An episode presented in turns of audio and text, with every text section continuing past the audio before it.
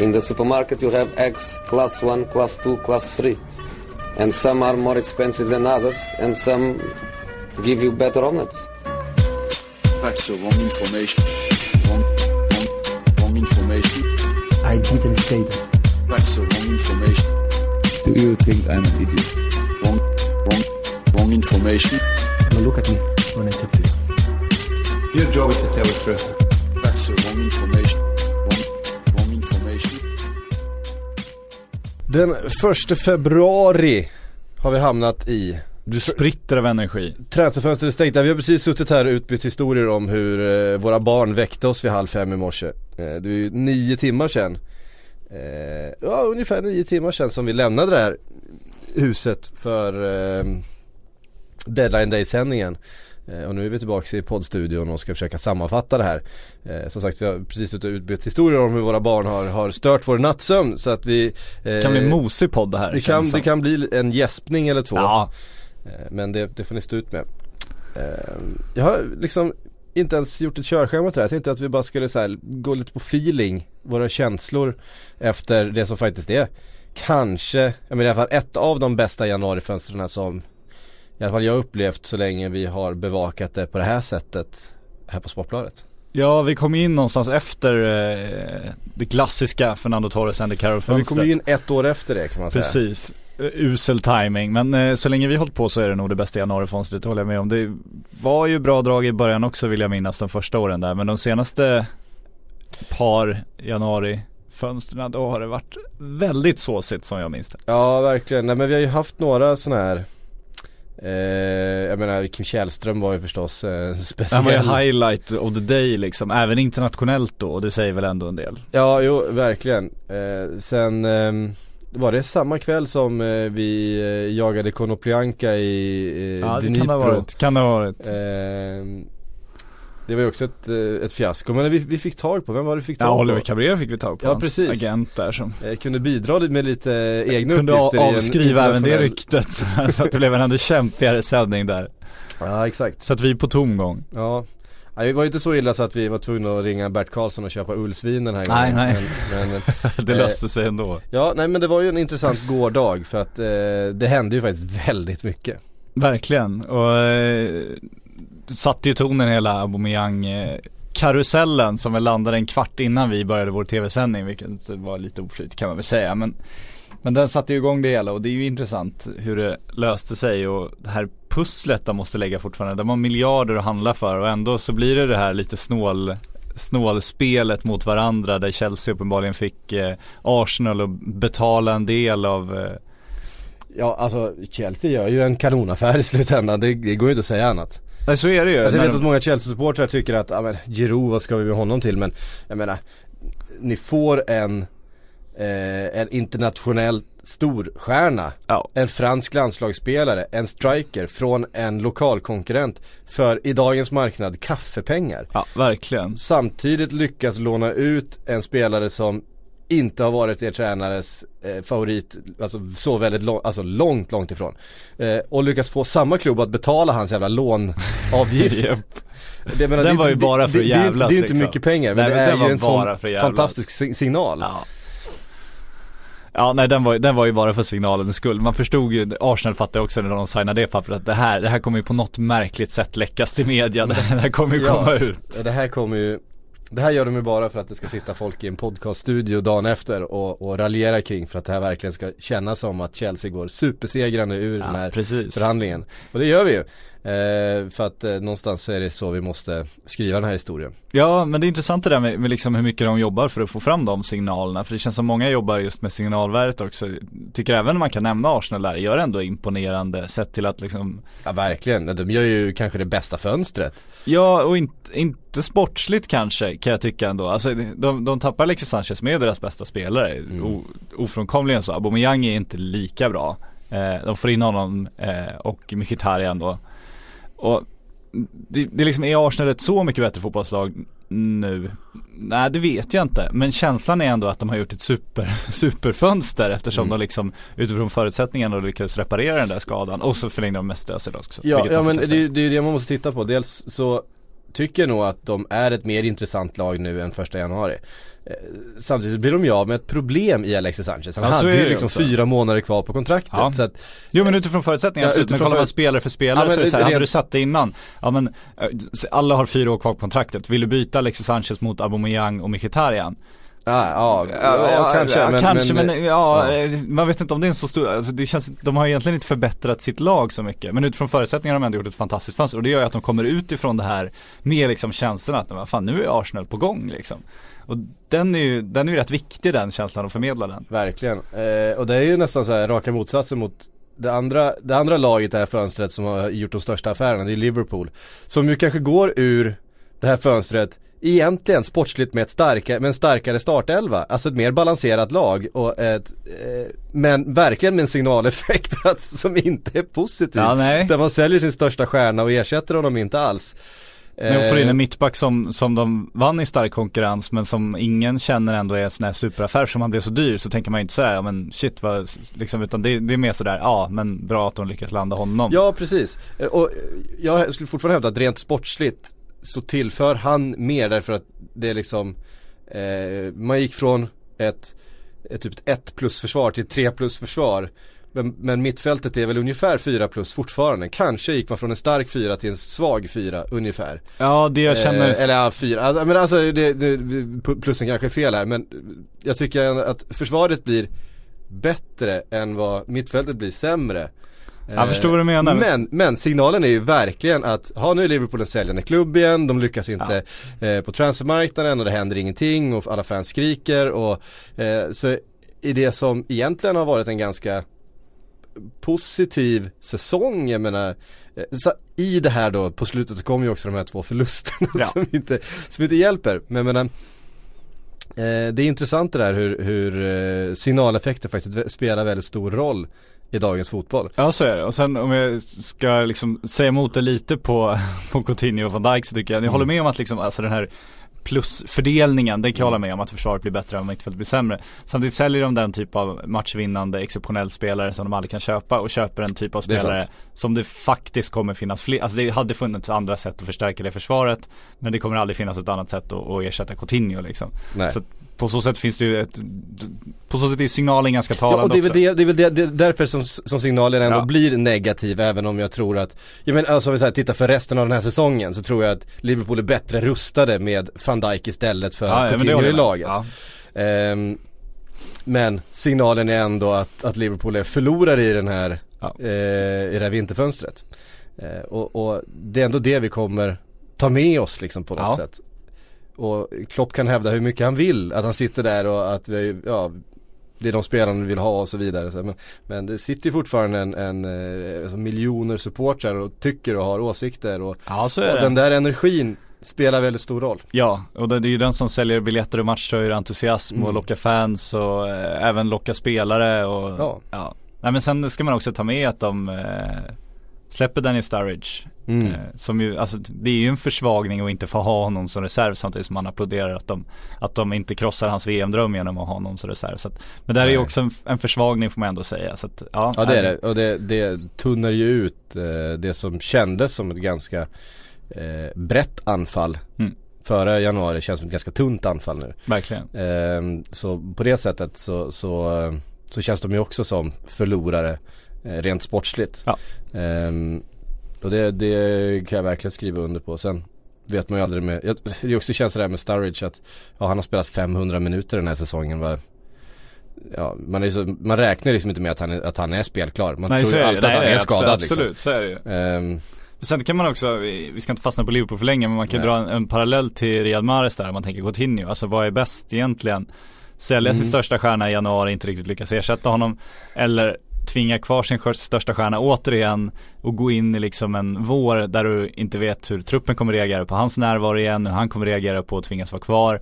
Kommer han kunna prestera på samma nivå? Vad kommer det innebära liksom för dynamiken? Hur kommer det påverka det övriga laget?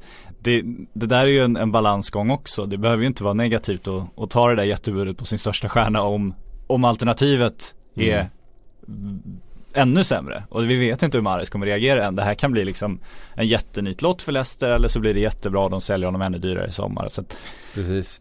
Nej men alltså Leicester som, var ju Mahrez inte med igår. För han var på dåligt humör. Han sa enligt eh, Claude Poel eh, sa så här igår eh, efter matchen att eh, All of us will help him come back with a smile. Och det säger ju någonting om att de har en, en ledsen algerier eh, någonstans på ett hotell som är jävligt besviken över att han inte fick den här flytten nu. Så han har ju jobbat på den här flytten, han jobbade hela sommaren på den här flytten. Fick den inte då, nu dyker City upp med ett bud som då ska ha varit i storleksordning 95 miljoner pund inklusive klausuler och eh, allt möjligt. Det skulle varit 65 miljoner upfront tror jag. ja, och sen var det väl lite, Leicester ville väl ha 95 miljoner och, och De ville City- ha 95 miljoner straight up och det, kunde, det ville inte Nej, City de la väl på 60 där någonstans. Så ja, och han är ju fruktansvärt besviken och då är frågan vad, vad det ger för effekter under resten av säsongen för Leicester som ju var inne i en väldigt positiv eh, ja, men, eh, en positiv trend eh, för stunden. Visst, det var, då fick stryk mot Everton med 2-1 igår. Det hade de kanske fått eh, ändå även om de hade haft en, en jätteglad Mares med på kanten där. Det vet vi ju inte. Men eh, det, det är inte oproblematiskt att spela med spelare som eh, sprider en dålig stämning i truppen. Nu har ju tydligen också betett sig på ett sätt som har gjort att eh, övriga i laget har reagerat och att de har irriterat sig på hans beteende, hans eh, transferbegäran liksom dagen före match. ehm, och så vidare. Jag vet inte vart jag känner igen det ifrån. Vem som Nej, transferbegäran precis Nej. före match. och det är klart att, det, är klart att det, där, det där spelar ju stor roll. Och, Ja. nu, och nu kommer ju Claude Poel som jag kommit in då eh, i Leicester här. Han kommer ju få eh, agera psykolog här och nu kommer han få lägga en massa energi på han att göra annat än på- bara rita pilar på, taktiktavlan. att curla, curla Riyad Mahrez ett tag här nu och försöka få in honom i gänget och kanske curla en Jamie Vardy som är förbannad. det, det vill man ju inte ha på halsen.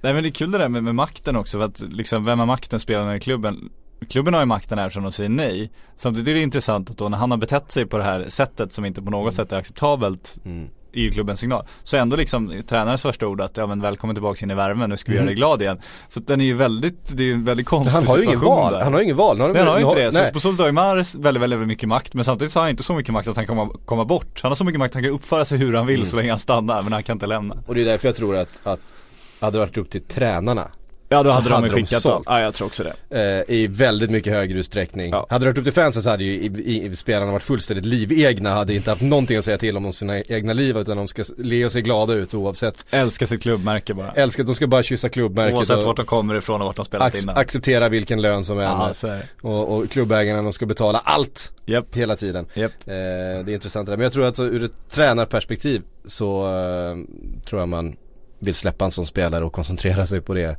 eh, man har att arbeta med och slippa vara psykolog. Ja de jobbar ju med människor, det är ju lätt att glömma det när man sitter här och läser tidningsrubriker och spelar fotboll manager och sånt där liksom Men det är ju jättemycket Få alla prestera, få ihop en grupp Mm. Rent psykologiskt, det, det har ju blivit mer och mer inom fotbollen känns som när marginalen blir mindre också så. Ja, vi vet ju att det har liksom knorrats i Arsenal med Alexis Sanchez. Jag tror att, och han har ju inte presterat heller. Det har ju varit Nej. uppenbart att han inte har eh, varit på humör. Och jag menar, vi har sett det på alla de här, de spelarna som bråkade i somras. Och det, alltså, visserligen har Coutinho varit bra i Liverpool. Mm. Men det var ju uppenbart så att det gick inte att ha kvar honom. Det, Nej. fanns, det fanns ingen möjlighet längre. Han hade- han, han sa ju så- bara att nu, nu är det hej då Nu, nu, nu drar jag. Nu liksom. drar jag, Ja. får ni göra vad fan ni vill Eh, vi har en Mares som tjurar nu, vi har en van Dijk som överhuvudtaget inte levererade i, i Southampton eh, under hösten. Ehm, och vi har sett en Aubameyang som inte har gått att ha med att göra i Dortmund som det var, det liksom, det var helt ohållbart. Vi har också sett på andra håll liksom en eh, Serri i, i, i Nice som inte alls har levererat sen han inte fick sin flytt. Och, jag menar vi har sett det här på, liksom på fler, fler nivåer och på, på många håll. Ehm, Say hello to a new era of mental health care. Cerebral is here to help you achieve your mental wellness goals with professional therapy and medication management support. 100% online. You'll experience the all new Cerebral Way, an innovative approach to mental wellness designed around you.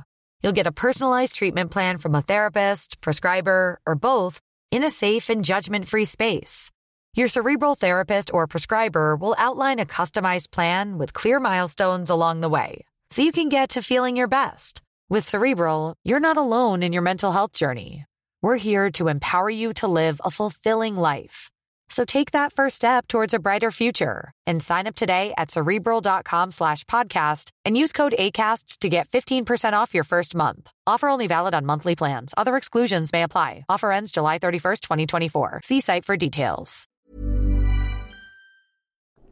Och det blir nog mer och mer uppenbart att eh, i, med de här små marginalerna som är och där så oerhört mycket i fotboll idag är inställning och att du eh, faktiskt har alla med, att systemet funkar, att du får 100% utav alla dina spelare.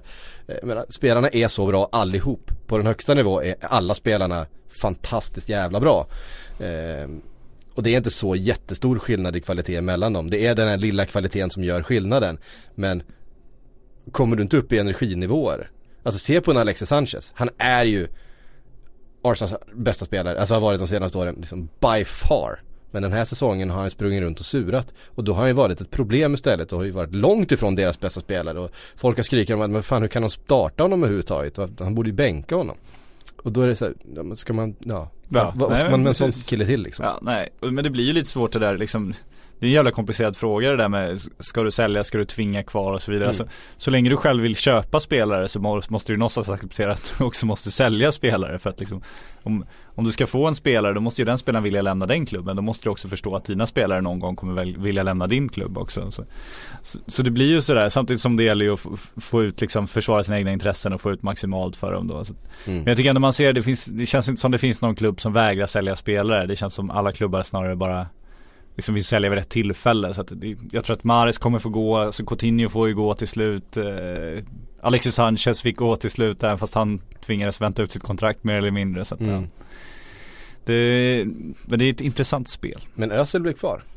Ja, så blir det kvar. Och det, tror jag, för han har ju också varit dålig under de här perioderna där han inte har varit nöjd med sin situation. Han har inte varit nöjd med kontraktsförhandlingarna, han har inte varit nöjd med. Och då, men jag tror ju att en Özil nu med ett nyskrivet kontrakt och han känner att det har kommit in lite annan kvalitet, alltså eh, spelare som han kan jobba ihop med. För det var ändå så att han kunde jobba ihop med Alexis Sanchez som kunde spela på en nivå som var lite Ja. högre än de andra i laget. Och man märkte att de gärna sökte varann eh, av den anledningen. De tänkte fotboll lite snabbare än alla andra. Nu kommer ju en, en, eh, en Aubameyang som uppenbarligen spelar fotboll på en väldigt hög nivå. Ehm, jag vet inte, hans, hans målstatistik från Dortmund är ju helt vansinnig för han har gjort så här. Ja men det är klart, han är ju en otrolig anfallare på, sätt, på alla sätt och vis. Så Ja men alltså, han har ju gjort 74 poäng på sina 76 senaste matcher. Och det var 10 assist på dem så det är liksom så här 66 mål på 76 matcher. Eh, och det är klart att en målskytt av den kalibern, det har ju inte Arsenal haft på, på jättelänge. Nej, Eh, och så det blir ju intressant att se eh, vad han kan eh, bidra med, alltså med den spetsen. Och, ja verkligen. och hur det, vad det gör för en, eh, för en sån fantastisk assist eh, spelare som, som Mesut Özil, att han har ett sånt riktmärke och någon som faktiskt stoppar in de där bollarna när han levererar dem. Men det blir också intressant, alltså, om man tänker varför förlängde Mesut Özil på deadline day? Vad var det som hände helt plötsligt som gjorde att han att han bestämde sig för att stanna. Det påstås att han ska bli Arsenals då bäst betalde spelare Mm. genom tiderna och det är klart genom tiderna säger ju egentligen alla. ingenting eftersom lönerna går upp hela tiden. Men, men man undrar om det liksom om de satt och väntade på Alexis Sanchez och ho- hoppades någonstans att han skulle Att han skulle skriva på ett ännu mer lukrativt kontrakt. Det kanske inte fanns utrymme för båda eller vart hamnar Aubameyang i den här I den här lönekarusellen. Hur mycket, hur mycket betalar de med Mkhitaryan? Alltså det, Mm. det är ändå intressant att det sker just på den dagen på något sätt. Absolut. Sen har det ju ryktats om eh, i flera veckor här att de ska vara överens liksom. Att de bara väntar på, ja, det kan väl vara så att den, den avdelningen eh, i Arsenal har haft annat att göra de här sista veckorna. Borde, borde kunna trycka ut ett kontrakt till- Mesut Özil i printen ändå kan man tycka. Ja men du vet, det ska ta fotografier och det Ja. ska drickas kaffe och äta trivsellängd. Ehm, Trivsellängd. ja. Ehm, Vad är en trivsellängd? jag vet, inte, trivsellängd, det är, jag vet inte vilket, vilket bageri det är som gör det men det, det är typ som en sån här vetelängd liksom med någon vanilj på eller Ja, okej. något sånt där. Eh, Lät fruktansvärt mycket mellanmjölk över det. Ja, jag tycker det är ett roligt ord. Ja, absolut. tri- Trivsellängd. Ja det köper Eh, ehm, nej men och sen är det ju så här, får vi också konstatera att i resten av Europa händer det inte så mycket den här vintern. Nej. Det känns som att, det känns också, tycker jag, lite grann som att eh, I Italien hade vi några som värvade rätt mycket i somras Som eh, sitter och gnager på, sina böcker. gnager på naglarna just nu Ja. för att eh, försöka lösa en Europa, ett Europaspel till nästa säsong så att man kan eh, eh, på något sätt finansiera de här lånen som man har tagit. Ja. Tänker framförallt på Milan. Japp. Ehm, men nere i Spanien så känns det ju som att det är ett Real Madrid som håller på att samla kraft. Kan, alltså men jag är, jag är fortfarande tveksam. Jag, min känsla är att Zinedine Zidane inte är jätteintresserad av att köpa massa Galacticos och eh, Florentino Perez. Absolut, jo kvar. men Perez älskar ju uppenbarligen Zidane, det finns en enorm respekt där och när han tar två Champions League-titlar i rad så får han göra vad han vill. Men efter den här säsongen när de kommer ur den, om de inte vinner Champions League en tredje gång, vilket känns osannolikt. Det är klart att de har potential till det, men att de skulle vinna, bara att någon, något lag skulle vinna tre gånger i rad när inget lag hade gjort det två gånger i rad innan, bara det gör ju att det, det finns väldigt mycket som talar emot det. Men då kommer han ju hamna i en situation där han inte har samma typ av liksom makt och, och göra vad han vill längre eftersom han, då är det antingen att han ryker eller att han börjar fogas under klubbpresidenten tror jag och då måste han ju börja handla och då då är ju liksom Zinedine Zidans gamla favoritspelare Eden Hazard som han har talat så varmt om så många gånger. Det känns ju verkligen som om det är någon som som de borde knipa då. Mm. Eh, och det känns som det finns alla möjligheter att göra det. Med tanke på att Chelsea, det känns snarare som de rustar ner än Man, att de jag, rustar jag tycker upp. nästan man kan se Eden Hazard i den vita Ja men man har ju kunnat se det sen han liksom lämnar ligan. Ja, Alltså det känns som det har varit meningen hela tiden. Eh, så jag är förvånad att det inte har skett tidigare och Han kritar på nytt nu va? ja, det har han väl gjort men alltså Det betyder ju ingenting. Nej. Så att jag ja, jag är spänd på att se Real, som du säger, spänna musklerna. Jag hoppas att Mm. de gör det. Om de inte gör det nu så undrar man ju vad de, hur framtiden ser ut för att det finns ett generationsskifte att göra där. Mm. Också intressant att eh, Reals position som hegemon, alltså som världsledare faktiskt har rubbats lite grann på, ja, sen förra säsongen. Ja, tveklöst så. Alltså, Bappé var ju någonstans Ja, det var en, eh, en vattendelare på Ja, något sätt. starten på det på något sätt. Eh, även att PSG knep liksom Neymar från Barcelona gör ju att man börjar, började fundera på vart Mm. Barca och Real kommer hamna. Det finns i framtiden blir ju väldigt intressant nu för att Barca och Real har ju varit de här två giganterna i en evighet känns det som, under, under min livstid liksom. Men nu kommer ju de, och de har ju hållit sig kvar så lång tid mycket tack vare Ronaldo och Messi. Alltså när du har den typen av, av världsspelare som håller en helt annan nivå än alla andra, vilket de har gjort. De har ju varit alltså klasser bättre än, än, Ja. än alla andra. Då, då blir du ju kvar på toppen. Vi ser Barcelona i år, Messi är ju, han är ju precis allting för dem nu. Alltså han är spelfördelare, han är speluppläggare, han är, han är avslutare, han, är- han är precis allting. Och då, då kan du ju ha ganska många luckor i ett lag för att den spelaren liksom, han gör ju två mål och sen har du vunnit den matchen när de då försvinner, för nu Ronaldo, det känns, han kanske kan göra en säsong till på högsta nivå men det känns ju nu som han verkligen är på väg ut för. Ja. Då ska han ersättas och då försvinner han och vem har Real som är den exceptionella spelaren i sin trupp idag? Men Gareth Bale skulle kunna vara det men med de skadeproblemen är han ju inte det. Sen har de ju såklart Luka Modric, Toni Kroos, alla säger helt fantastiska fotbollsspelare men du ska ha den där enskilt liksom världsspelaren som, Mm. som gör dem så mycket bättre. Om de, om de då inte lyckas ersätta Ronaldo, för nu kändes det som ersättaren i Neymar då skulle kunna vara, han är, känns ju som den som ska vara nästa så den typ av spelare, mönsterbrytaren. Att, han försvann ju till, till PSG istället för till ett Real nu. För det var en utköpsklausul, utköpsklausul, de hade kunnat ta honom. Mbappé känns ju också som en som skulle kunna bli en sån, hamnade också i PSG. Har PSG de två nu? Vad hamnar Real då i hierarkin? Kan Eden Hazard bli den typen av spelare? Han har fått kritik för att han inte tillräckligt många poäng och sådär. Mm. Det vet man ju inte. Eh, Barcelona kommer ju ha Messi några år till, men vad händer sen? Mm. Om då La Liga då har tappat här, om, om Real Madrid inte längre är liksom galaxens mittpunkt. eh, Om, om, Nej, men säg alltså, det, det finns ett, en, en maktbalans här samtidigt som Premier League-pengarna går upp och de lockar Paul Pogba som, som spanska klubbarna också ville ha, eh, går till United, Manchester City bygger ett helt fantastiskt lag nu med Pep Guardiola med den lyskraften. Alltså var hamnar La Liga i framtiden eftersom det ändå är föreningar, eh, det, är, det är klubbar ägda av sina, sina medlemmar. De, har, de är inte ägda av Förenade Arabemiraten som kan spotta hur mycket pengar som helst på dem. Eh, de har inte Manchester Uniteds omsättning. Mm, Om de då också, alltså om de då tappar sin attraktionskraft, bara, bara de tappar lite av den, de, de har inte konkurrensmedlen för att och liksom ersätta den med, med ekonomiska medel utan de måste, det är ju attraktionskraften som är deras grej. Och den är inte, den är inte så lätt att förlora men bara de tappar Men säg lite att där så händer ingen utav dem spelar eh, Champions League-final de närmsta, säg två säsongerna bara.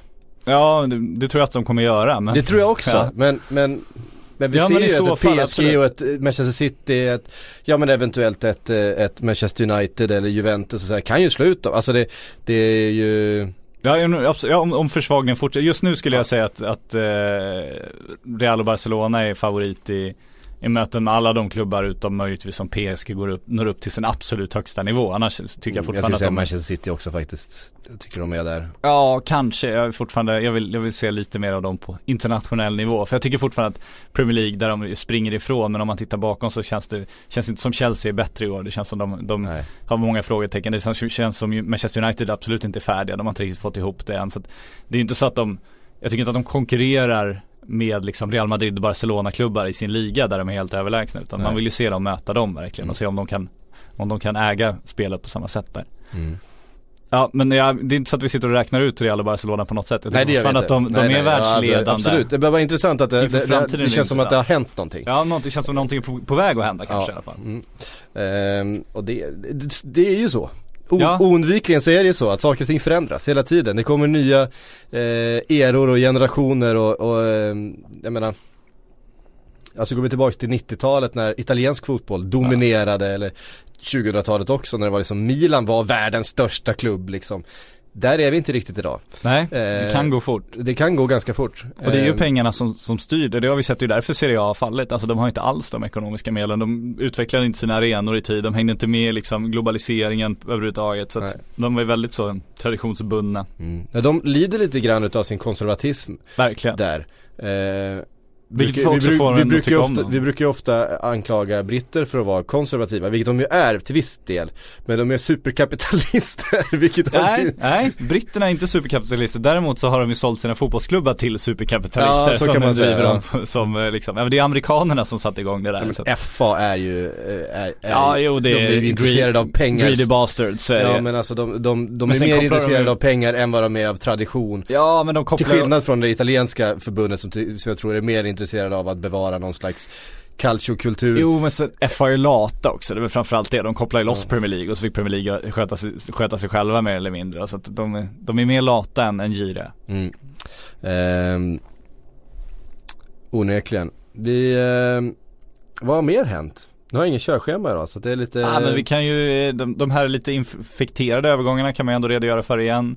Eh, Niago Martinez som flyttar från Real Sociedad till Athletic Bilbao. den är speciell. Eh, och sen har vi Leon Goretzka som lämnar Schalke för Bayern München, kommer inte gå nu direkt men har gjort klart det till sommaren. Han är tysk. Han har ingen val. Ja Det absolut, i men det hans- var ändå rätt, hans rätt starka fanprotester där i första Ja. matchen efter det. Fansen krävde att han skulle bänkas resten av säsongen och vi får se vad, vad, vad Schalke gör av, gör av det. Mm. Eh, de är ändå intressanta, det ska bli kul att se liksom följderna av dem och hur de, om de kan spela vidare som om ingenting har hänt. Nu är väl Schalke indraget i den där oerhört jämna kampen om eh, Champions League-platserna. Jag vet inte hur många lag de är som krigar om dem, men det är typ såhär 7-8 lag Ja. bakom, bakom Bayern München där. Eh, Så att de har väl lite råd att bänka dem nu, men hade de legat i ett ingenmansland. Det var ju det man kände lite grann, om vi ska återknyta till, till Mares igen. Leicester hade ju verkligen klarat sig utan Mares nu, för de kommer inte åka ur och de kommer inte ta någon Europaplats. Nu Ja, står men- Linn och vinkar åt oss. Ja vad trevligt. Ja men, jo, men och förra gången han, han eh, ville lämna så var det ju så här, men lyft oss i tabellen först och liksom. Och så, alltså de har haft en, det känns som de har lockat med den typen av grejer. Det är i alla fall det han har kommunicerat utåt. Mm. Nu är frågan vad de sagt åt honom då liksom. Ja men säkra vår sjunde plats liksom. Alltså det, det, jag håller med. Jag tycker att det är väl lite konstigt att de inte släppte honom nu och eh, så vet jag inte vad de värderar honom till. Det är så, så svårt att säga. Han är ju inte i en ålder som gör att han är, är liksom maxvärderad. Han är inte 21, 22, 23 utan han är lite äldre trots allt. Mm. Samtidigt så är det inte länge sedan han blev utsedd Premier Leagues bästa spelare. Det är det Leicester pekar på det där hela tiden. Men ska han kosta en miljard? Nej det känns ju inte så. Ska han kosta 950 miljoner som de vill ha? Nej det känns inte så. Ska han kosta 600 miljoner som Manchester City var villiga att bjuda? Ja, det känns som ett bra pris på en sommartransfer men du ska ju krydda det när det är vinter, det vet vi. Så att ja men 700-800, jag vet inte, någonstans där känns det som det ska landa. Det är så här 26 igen så att han har några år kvar. Jo han, har men han är ju inte den typen av liksom spelare som du köper för hans marknadsvärde på det. Alltså hade han varit 23 och varit så här lovande då hade han ju varit såld nu för en miljard. Det, nu, nu är han trots allt 26. Alltså det, det är ju en ganska stor skillnad däremellan de två siffrorna ändå. Precis. Kan säga det att eh, Schalke just nu på tredje plats. Ja. Eh, och det är som sagt, ja, det är ner till, eh, de ligger på 34 poäng. Och det är Leverkusen och sen ner till eh, Mönchengladbach på sjunde plats. Det är inom tre poäng.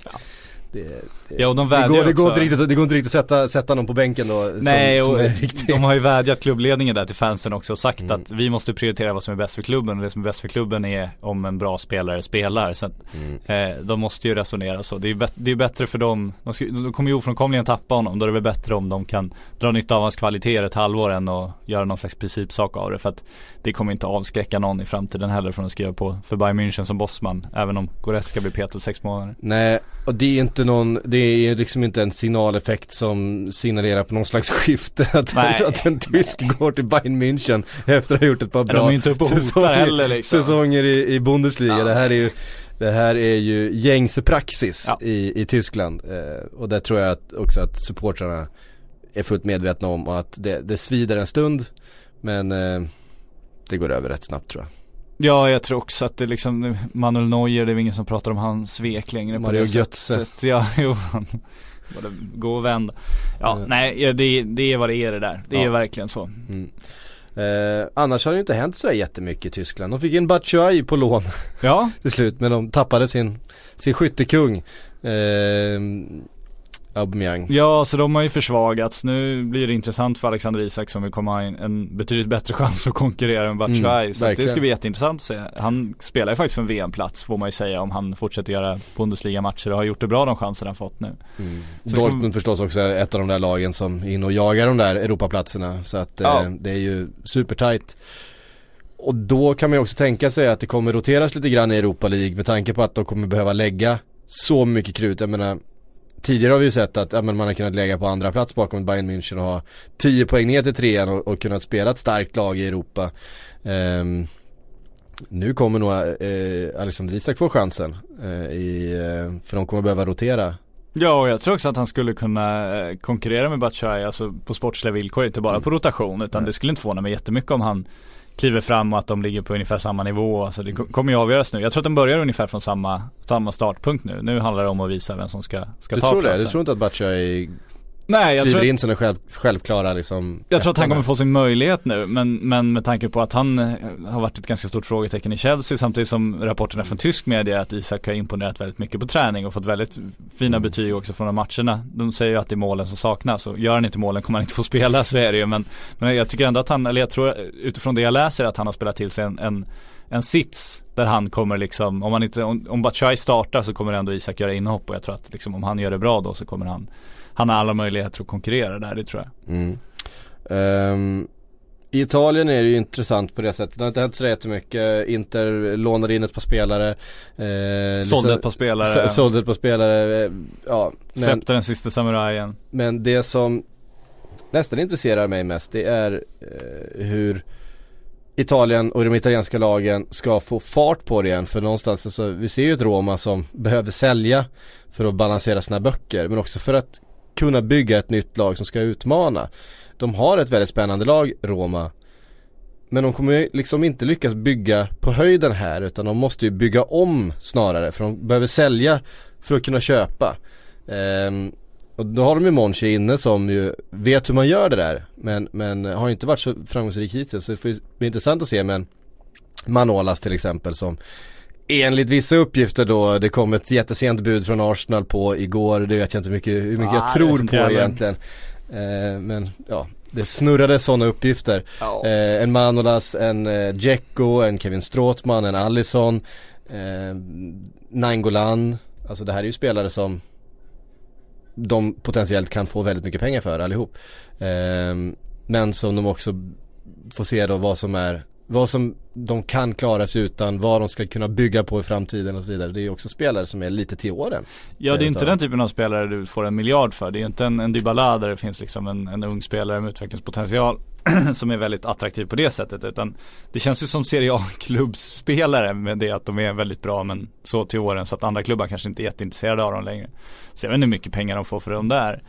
Sen tycker jag de har haft lite lite otur och varit väldigt usla i sitt arbete Serie A-klubben. Alltså man tar en, en Gabigol som det var slagsmål om mellan, mellan Ja, ja, och och vilken, Inter. vilket ju var en, en, en riktig kupp att de lyckades få Ja men de pressar, men de pressar också upp prislappen för varandra till en Mm. nivå som var helt eh, absurd egentligen. Och framförallt nu med facit i hand när han blir en sån jätteflopp så, Mm. så har de ju slösat bort hela sitt kapital där som de skulle satsa. Även Milan har ju väldigt bråttom med sin satsning. Det är ju in och det är hedgefonder och det är pengar på spelare som ska nå Champions League omedelbart så de någonstans ska få upp värdet på den här klubben så att de ska kunna värdera om den och betala av lånen och alltså det är ju det, är, det, är det största panikprojektet i europeisk toppfotboll just nu. De har ju ingen långsiktighet överhuvudtaget. De jobbar ju månad för månad med sina, sina märkliga lån där. Så Ja. det är inte så att det, det är satsningar där man känner att liksom jag menar PSG där Qatar kommer in och säger ja men vi ska bygga vårt lands varumärke här. Ni har liksom, ni har åtta år på er och vi kommer pumpa in pengar. Eller Manchester City, Förenade Mm. Arabemiraten, samma sak. Det är inte den typen av ägare de fått utan de, de har fått de här kineserna som är inne för första gången på en fotbollsmarknad de inte varit intresserade av tidigare för att deras president har signalerat att nu finns det ett värde att vi satsar på fotbollen här. Eh, och vilken kompetens har de att driva fotbollsklubbar? Förmodligen ingen överhuvudtaget. Det har väl inte de här stora länderna heller som äger fotbollsklubbar men de har en annan ekonomisk sits och ett annat tålamod. För de handlar inte om två, tre år utan där handlar det liksom om, de, de kan ju blöda pengar hur länge som helst mer eller mindre för att det är, det är inget som märks för dem. Så det, det, därför blir man ju orolig över att det, det känns som det är fel typ av intressenter i italiensk fotboll nu för att För det de ska göra egentligen, alltså ett Milan, ett Inter, allting det är ju in, lösa arenafrågan. Det är någonstans där de får börja. Få upp eh, inkomsterna, eh, sen därifrån bygga klubben och bygga hela liksom, truppen och varumärket och allting igen. Mm. Nu börjar de med att köpa alla stjärnor, hoppas att de ska nå Champions League, att det ska ge nya intäkter, sen ska ge nya stjärnor och så kommer det snurra ett tag men så fort du gör en, en värvningsmiss där eh, då försvinner liksom de pengarna du investerat och då missar du Champions League, då försvinner de pengarna och då är det total kris. Och har du då gjort någonting bestående av alla dina satsningar? Nej, för du har inte löst arenafrågan, du har inte byggt, byggt, liksom, byggt klubben vidare på något sätt utan då, då är det ju fällan igen. Så att det är väldigt konstigt, kortsiktigt drivet. Det är väldigt kortsiktigt drivet samtidigt som Fotbollen är ju så kortsiktig i och med sitt resultat Alltså det är så resultatbaserat och så resultatorienterat vilket gör att du kortsiktigt kan liksom skifta ett värde på en klubb och en mentalitet i en klubb Ja, så snabbt.